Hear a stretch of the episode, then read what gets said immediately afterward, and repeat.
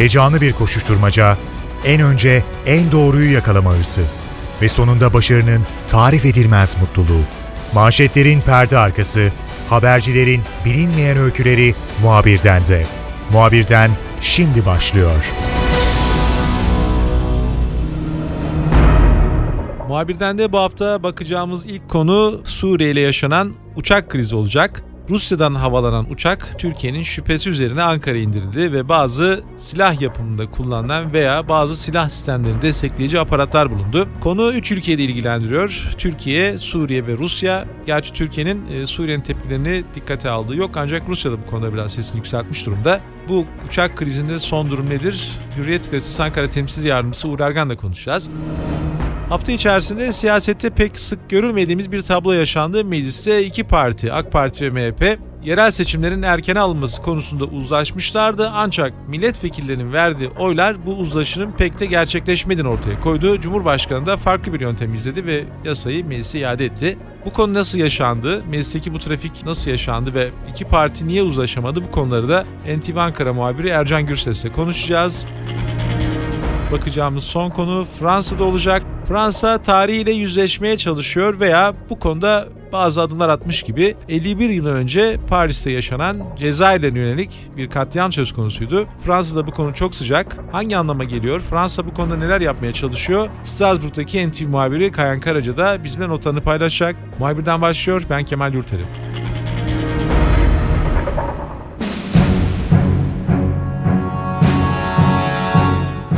Hafta içerisinde okuduğumuz haberlerden bir tanesi yine Türkiye'nin bir önlem için indirdiği Suriye uçağı oldu. Daha sonra da Ermenistan'a ait bir uçak da indirildi. Türkiye Suriye'ye gidecek olan silah ve benzeri malzemeleri engellemek için belki de biraz da gözdağı vermek için Suriye'ye ait bir uçağı, Rusya'dan gelen bir uçağı Ankara'ya indirdi. Didik didik edildi uçak ve silahların ek aparatları olarak telendirilecek bazı yedek parçalar bulundu. Krizi başından beri Hürriyet gazetesi için e, Ankara temsilci yardımcısı Uğur Ergan izledi. Hürriyet gazetesinde Uğur'un haberlerini gördük. E, Uğur şimdi bizimle olacak. Uğur, Türkiye'nin daha önce de özellikle İran'a yönelik böyle kararlar aldığını biliyoruz. Çünkü Birleşmiş Milletler'in İran'a yönelik bir e, yaptırım kararı var ve silah değil sadece silah yapımında kullanılabilecek veya nükleer santralde dahi kullanılacak bilgisayar parçaları gibi bir takım aparatların geçişine yasak var ve Türkiye'de bu denetimini yapıyordu. Tabi Suriye ile bu gerilen ilişkiler çerçevesinde bir Rusya'dan gelen uçakta Ankara'ya indirildi. Bir takım parçalarda bulundu. Şimdi bu karar nasıl alındı? Bu konuda tabii geçtiğimiz hafta yaşandı. Bu hafta da tabii biz bu olayı tartıştık biraz daha. Önce istersen biraz kısaca geçmişe gidebilir miyiz? Türkiye bu kararı nasıl aldı? Bir tarafı da Rusya olduğu için olası krizler düşünüldü mü böyle bir karar alınırken? Sendeki bilgiler neler? Bir kere şuna dikkat etmekte fayda var. İran için yapılan mecburi ilişkiler, daha doğrusu İran'a yaptırılan mecburi ilişkiler Birleşmiş Milletler Güvenlik Konseyi'nin almış olduğu doğrultuda yapılan indirimlerdi. Ancak Suriye konusunda ise bu Türkiye'nin tek taraflı tasarrufu olarak değerlendirebiliriz. Sivil uçağın askeri malzeme taşıdığına dair istihbarat Ankara'ya gelince böyle bir karar alınıyor. Tabii buradaki en önemli nokta bu istihbaratın kimden geldiğine dair. Dışişleri Bakanlığı yetkilileriyle konuştuğumuzda istihbarat kaynağıyla ilgili olarak tırnak içerisinde söylüyorum. Bunlar bizim kendi kaynaklarımız deniyor. E, tabii bu kendi kaynaklarımızdan neyi anlamamız gerekiyor? Sadece ve sadece Türkiye Cumhuriyeti vatandaşı kaynaklar mı yoksa Milli İstihbarat Teşkilatı'nın diğer uluslararası teşkilatlarla yapmış olduğu ortak bir çalışmanın ürünü mü? Daha da açık e, ifade edersek yani Amerikan Gizli Haber Alma Teşkilatı CIA'den gelen bir bilgi var mı? Bunu tam olarak e, bilemiyoruz. Bununla da ilgili e, değişik iddialar var. CIA e, MİT işbirliği çerçevesinde bu yönde bir istihbarat alındığına dair. Hatta daha da ileri boyuta gidiyor. NATO'nun istihbarat kaynakları bunu bu bilgiyi aldılar ve ondan sonra da Ankara'yı haberdar ettiklerine dair. Şimdi Türkiye burada kararını tabii ki uluslararası sivil havacılık kurallarına göre uyguluyor. Sivil havacılık kurallarına göre sivil bir uçağın, sivil yolcu taşıyan bir uçağın askeri amaçlı kullanılabilecek herhangi bir malzemeyi taşıması söz konusu değil. Buna uluslararası yasalar izin vermiyor, müsaade vermiyor uçağın içerisinde bulunan malzemelerin ne olduğuna dair e, sorarsanız bence bu konuda muamma hala devam ediyor. Çünkü uçak indirildikten sonra Başbakan Tayyip Erdoğan'ın yapmış olduğu önemli bir açıklama vardı. Bu açıklamada eğer Türkiye gerekli görürse uçağın içinde nelerin bulunduğunu ifade etmişti. Bununla ilgili değişik operasyonlar var. Hatta o kadar ileri boyutlara gidildi ki kimyasal füze başlıkları bile olduğu ifade edildi. Ama benim aldığım bilgi bunun hala bir haberleşme tekniği üzerinde kullanılabilecek. Bu teknikten daha sonra e, füzeye veya füze rampalarına bir uyarlama, bir monte olabilir mi? Bunun araştırıldığı yönünde bazı çevrelere göre olabilir, bazı çevrelere göre ise olamaz yönünde e, iddialar var. E, bundan dolayı bence Türkiye'nin de bu konuda hakikaten elinde ne varsa resmi bir şekilde beyan etmesi veya resmi bir şekilde dünya kamuoyuna bunu göstermesi gerekir diye e, düşünüyorum.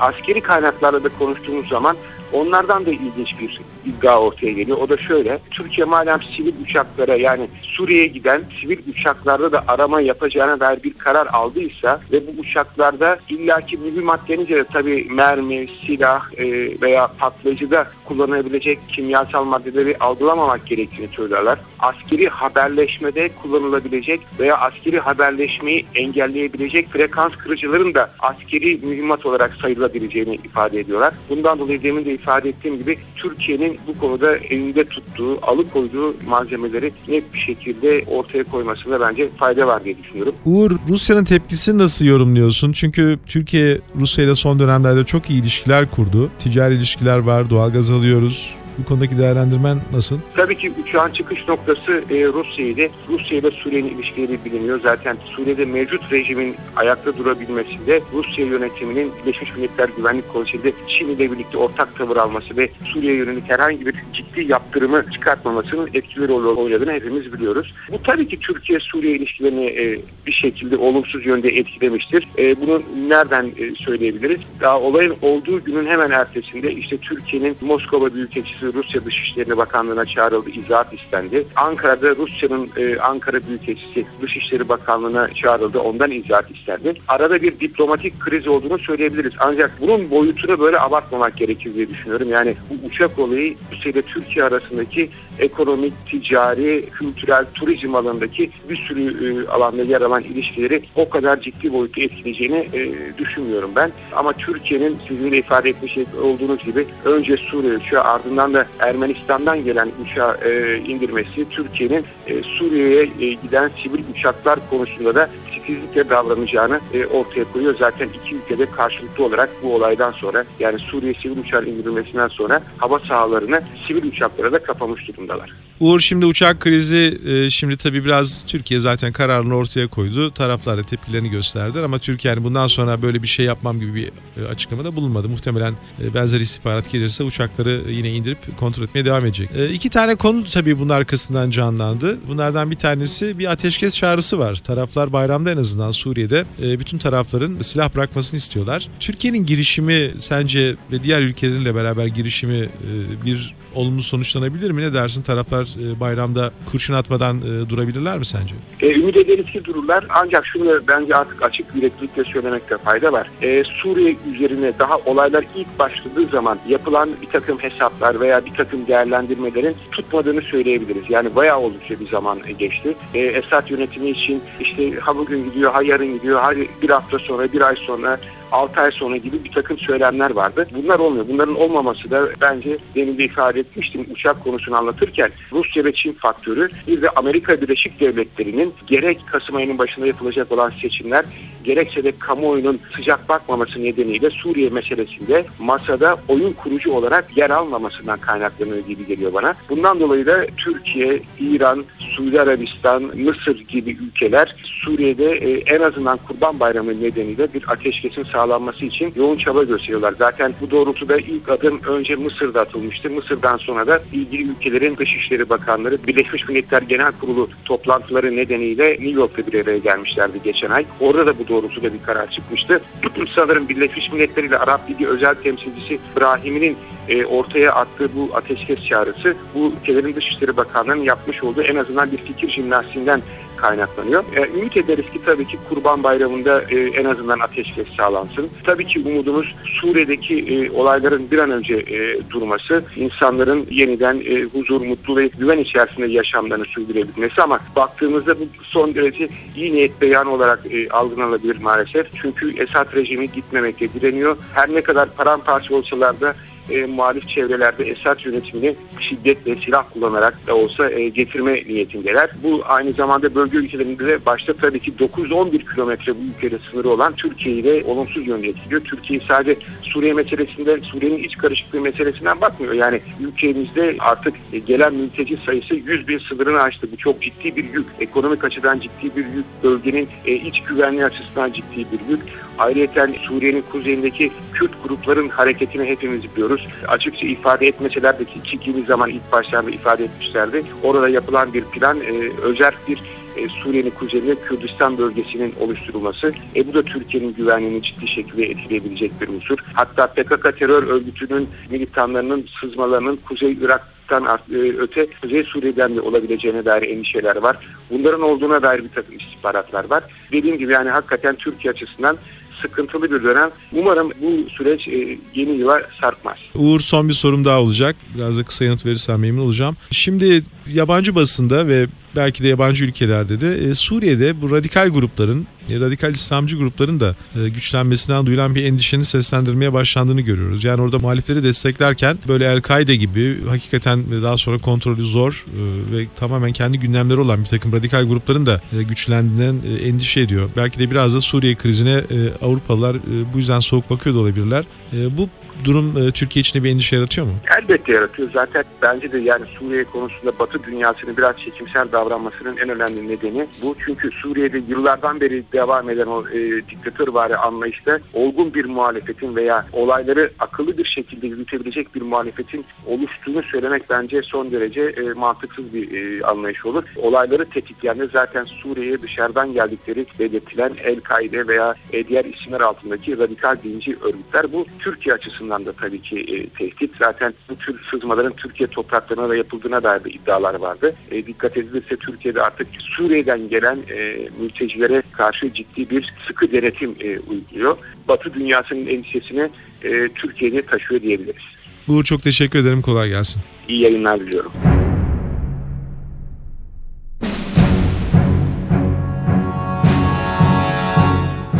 Haftanın önemli haberlerinden bir tanesi de meclisteki bir tür krize dönüşen yerel seçimlerin erken alınması oldu. Daha önce e, AK Parti ile MHP bu konuda uzlaşmışlardı ancak e, konu meclise gelince çok farklı bir tablo ortaya çıktı ve 367 milletvekilinin oyu sağlanamadı. Bazı milletvekilleri şehir dışındaydı. Belki bazı milletvekilleri tavır koydu veya parti grupları milletvekilleri üzerinde yeterince etkili olamadı. Ancak Türk siyasetinde pek de görülmeyen e, farklı bir durum ortaya çıktı. Cumhurbaşkanı da konuyu referanduma götürmek yerine e, en azından bu riski ortadan kaldırmak, masraflar ve konunun da hakikaten çok içine sinmemesinden dolayı yasayı tekrar meclise gönderdi. Neler olacak önümüzdeki hafta sanıyorum ortaya çıkacak. E, bu siyasi Türk siyasi tarihinde pek az gözüken hani bir oyunun yeterince oyun sağlanamaması Cumhurbaşkanının da yasayı meclise işte biraz da farklı koşulları farklı nedenler düşürerek iade etmesi pek görünen bir şey değil. E, bu konuyu Ercan Gürses'le NTV Ankara muhabiri Ercan Gürses'le konuşacağız. Ercan biraz önce de belirttiğim gibi pek siyasette e, siyasi tarihte böyle örnekler fazla değil ama yaşandı. İki parti de destek vermelerine rağmen milletvekilleri farklı bir tutum içerisine girdiler. Bunu neye bağlıyorsun? Önce onu sormak istiyorum.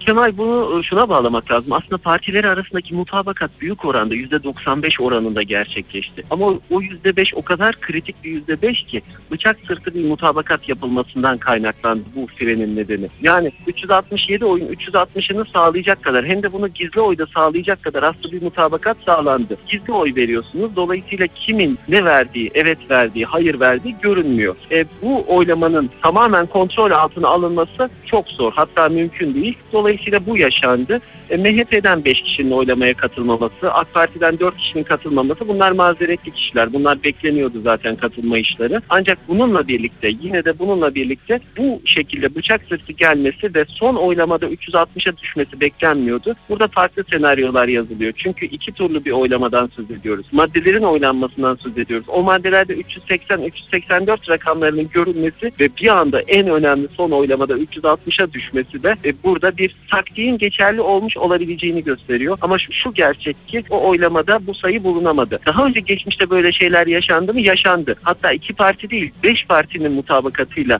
getirilen bir düzenleme vardı geçmişte bundan 12 yıl önce. Cumhurbaşkanı o zaman Süleyman Demirel'di. Süleyman Demirel'in görev süresinin uzatılması ve 5 artı 5 sistemine geçilmesi konuşuluyordu. Bu anayasa değişikliği haline mutabakat şeklinde getirildi ama milletvekilleri partilerinin mutabakatına uymadılar. Gizli tavır koydular. O dönem ANAP'tan, MHP'den ciddi firelerin olduğu söylendi ve Cumhurbaşkanı Demirel'in görev süresi uzatılmamıştı. Daha sonra Ahmet Necdet Sezer üzerinde mutabakat sağlanmıştı. Bu tür şeyler gizli oylamalarda olabiliyor. Gizli oylamayı kontrol şansı pek mümkün olmuyor. Cumhurbaşkanı krizi şimdilik önledi. Tabii ki AK Parti grubundan gelen mesajlar var. CHP ile uzlaşamazsak ki öyle görünüyor şu an itibariyle. MHP ile uzlaşmaya devam ederiz. İşi daha sıkı tutarız bu defa. Bu defa kriz olmaz, kaza olmaz diyorlar ama siyaseti 24 saat ile uzun zaman bu riskleri öngörebilmek gerekiyor. Birkaç alternatif var bu konuda bu krizi aşabilmek için. Birincisi MHP ile uzlaşmayı devam ettirebilirler AK Partililer. Bunun ardından ilk tur oylamada, ikinci tur oylamada nabza bakıp geri çekebilirler ya da devam edebilirler. Bunların hepsi önümüzdeki günlerde konuşulacak konular Kemal.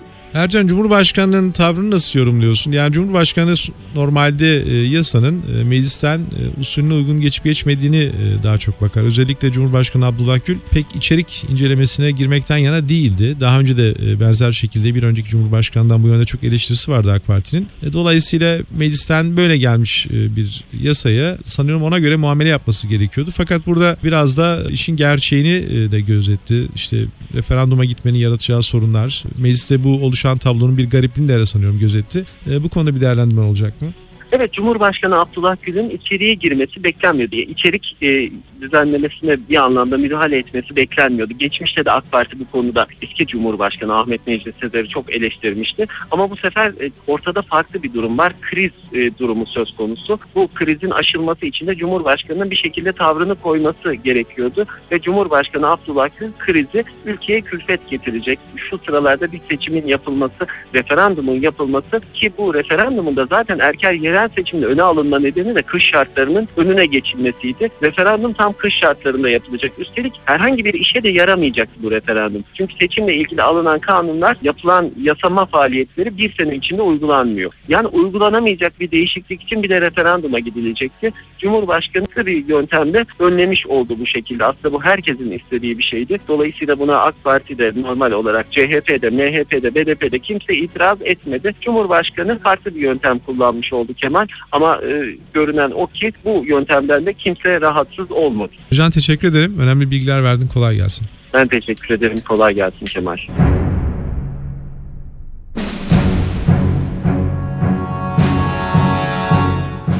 Dikkat çekici bir haberde Fransa'dan geldi hafta içerisinde. Fransa geçmişiyle yüzleşmeye çalışıyor gibi görünüyor. Görünüyor gibi demek doğru çünkü yaklaşık 51 yıl önce 1961'de Paris'te gösteri yapan Cezayirlere gerçekten de çok ciddi bir şiddet uygulanmıştı ve yüzlerce kişi yaşamını yitirmişti, binlerce kişi gözaltına alınmıştı. E, Fransa hükümeti uzun zamandır bu Cezayir'de yaptıklarını ve e, Fransa'daki Cezayirlere yaptıklarını pek görmezden gelen bir politika izlerdi. Ancak bazı farklı e, açılımlar söz konusu. NTV muhabiri Kayan Karaca'ya soracağız. Strasbourg'da Kayan. Kayan biz Fransa ile tabii bu Ermeni soykırımı iddiaları vesaire gibi konularda sürekli bir elektriklendiğimiz için e, Fransa'nın e, böyle kendi tarihiyle yüzleşmeye çalışması açıkçası Türkiye'de ilgi yarattı. E, sence yüzleşiyor mu Fransa yoksa yüzleşir gibi mi yapıyor? Nedir son durum? İkisini de söylemek e, mümkün Kemal. Aslında bu François Hollande'ın, Cumhurbaşkanı François Hollande'ın çıkışı bir tesadüf değil. François Hollande zaten geçen yıl Cumhurbaşkanlığına adayken, Sosyalist Parti'nin adayıyken de bu konuda bir adım atacağını söylemişti. Bu hafta başında da kısa iki cümleyle bir jest yaptı. Ancak bu tanıma anlamına geliyor mu gelmiyor mu o, o konuda işte Fransa'da polemik var. 17 Ekim 1961 tarihinde yani tam Cezayir'in bağımsızlığı ile ilgili müzakerelerin yürütüldüğü e, günlerde bağımsızlık için Paris sokaklarında barışçıl e, biçimde gösteri yapan Cezayirlilere yönelik olarak o zamanki Paris Emniyet Müdürü Maurice Papon'un ki kendisi 2. Dünya Savaşı sırasında Nazi işbirlikçisiydi. E, Maurice Papon'un e, talimatıyla polis bu göstericilerin üzerine saldırıyor ve kanlı biçimde bu gösteri e, bastırılıyor. İşte 50 yıldır Fransız Cumhuriyeti bu kanlı baskını tanımıyordu. Şimdi e, ilk defa bir Cumhurbaşkanı bu olayları Cumhuriyet'in tanıdığını söyledi. Yalnız burada Fransa Cumhurbaşkanı bir katliamdan söz etmiyor. Katliamdan söz etmemesinin de ötesinde herhangi bir özür veya pişmanlık duyduğundan da söz etmiyor Fransa Cumhuriyeti'nin ve ölenlerin ya da öldürülenlerin yakınlarına bir tazminat ödenmesi de kesinlikle şu an için söz konusu değil. Kaldı ki konu önümüzdeki hafta yeniden e, Fransız parlamentosunun gündemine gelecek. Hem Fransız senatosu hem de Fransız Millet Meclisi'ne bu konuda verilmiş iki karar teklifi var. Bunlar önümüzdeki hafta 23-24 Ekim tarihlerinde hem senatoda hem de Millet Meclisi'nde tartışılacak. Eğer olur da bir tanıma söz konusu olursa işte meclisten çıkacak bu kararlarla olacak. E, yalnız bu kararlar karar teklifleri e, bir yasa değil. Neden bunu söylüyorum? Çünkü Ermeni soykırım iddiaları ile ilgili girişimler hep bir yasa teklifi e, şeklinde e, gündeme geldi Fransa'da. Yasa teklifi olduğu zaman tabii bağlayıcılığı oluyor, hukuksal bağlayıcılığı. Oysa parlamento bu konuda böyle konularda karar aldığı zaman bu e, kesinlikle e, bir bağlayıcılığı, hukuksal bağlayıcılığı olmuyor. Bunu da altını çizmekte fayda var. Dolayısıyla buna pek de e, yüzleşme demek, e, tarih yüzleşme demek için e, sanıyorum biraz erken. Kayan peki kısaca iki tane sorum olacak. Bir tanesi Cezayirler bunu nasıl değerlendiriyor? Diğeri Fransız e, siyasileri bu konuda bir uzlaşı içindeler mi? Yani bir söylem birliği içindeler mi? Biz e, Ermeni konusunda biraz e, farklı çıkışlar görmüştük. Burada da benzer şeyler var mı Fransa içerisinde? Tabii Fransa içerisinde e, çok çok da var. Zaten en bir kamplaşma var. Şimdi Fransız sağı e, François Hollande'ın yaptığı çıkışa e, kesinlikle karşı. Şu açıdan karşı. François Hollande'ın yaptığı iki cümlelik açıklama, beyanat net ifadeler içermiyor. Fransız sağcıları, sağ partileri, ana muhalefetteki partiler veya milliyetçi partiler bunun bir tanımı olup olmadığının olmadığı konusuna François Hollande tarafından bir açıklama netlik getirilmesini istiyorlar. Zira saygıyla andığını söylemesi ve e, Cumhuriyet'in bu olayları tanıdığını söylemesinin ne anlama geldiği e, henüz daha net net biçimde o açıklık kazanmış değil. Dolayısıyla bu konuda eleştiriyor. Sağcı partiler bu olayların tanınması gerektiğini söylüyorlar. Ancak bir pişmanlık duyulmasının, e, Fransız polisinin sorumlu gösterilmesinin veya Fransız devletinin bu olaylardan ötürü sorumlu getirilmesine, gösterilmesine karşılar. İşte kırılma noktası da sağ partilerle sol partiler arasında burada. Biraz önce sözünü ettiğim senatoya ve Millet Meclisi'ne verilecek karar teklifleri de solcu milletvekilleri tarafından, sol partilere mensup e, milletvekilleri tarafından veya senatörler tarafından verilmiş durumda. Dolayısıyla göreceğiz. Hem senatoda hem millet meclisinde hem, hemen hatırlatayım sol partilerin çoğunlukta olduğunu da belirtmekte fayda var. E, Dolayısıyla bir karar, e, bu karar tekliflerinin kabul edilmesi söz konusu. Tabi bu kabul edilirken tartışmalar yaşanacaktır. Cezayir'e gelince Cezayirler tabi hem Fransa'da yaşayan Cezayir kökenliler hem de Cezayir devleti François Hollande'ın bu jestinden memnunlar. Bir de şeyi hatırlatmakta fayda var. E, Fransa ile Cezayir ilişkileri hep böyle e, 1960'lı yıllardan bu yana çalkantılı ilişkiler. E, hiçbir şekilde hem e, özel ilişki var iki ülke arasında tarihten kaynaklanan nedenlerle ama bu özel ilişki paralel olarak da sarsıntılı böyle ilişkiler var. Çok çalkantılı sorunlar var iki ülke arasında eski sömürgesiyle Fransa arasında. E, yalnız e, François Hollande Aralık ayı başında Cezayir'e bir devlet ziyaretinde bulunacak. Bu ziyaret çok çok önemli. Hem kültürel açıdan hem siyasi açıdan hem e, hem de ticari açıdan çok önemli olarak adlandırılıyor. Dolayısıyla tam bu ziyaretin öncesinde arefesinde François Hollande'ın böyle bir çıkış yapmasının da aslında tesadüf olmadığı e, kulislerde burada dile getirilmekte. Kayan teşekkürler. Kolay gelsin. Rica ederim. Muhabirden de bu hafta Suriye'de yaşanan uçak krizine yakından baktık. Mecliste yerel seçimlerin erken alınması konusunda iki parti arasında çıkan krizi gözden geçirdik ve Fransa'nın 51 yıl önce Paris'te yaşanan Cezayir katliamına, Cezayirlilere yönelik katliama ilişkin tavrını ve atmaya çalıştığı adımları gözden geçirdik. Ben Kemal Yurteri, muhabirden de yeniden görüşmek üzere, hoşçakalın. Haberi değil de haberin hikayesi için şimdi onlara kulak verme zamanı. Muhabirden NTV Radyo'da.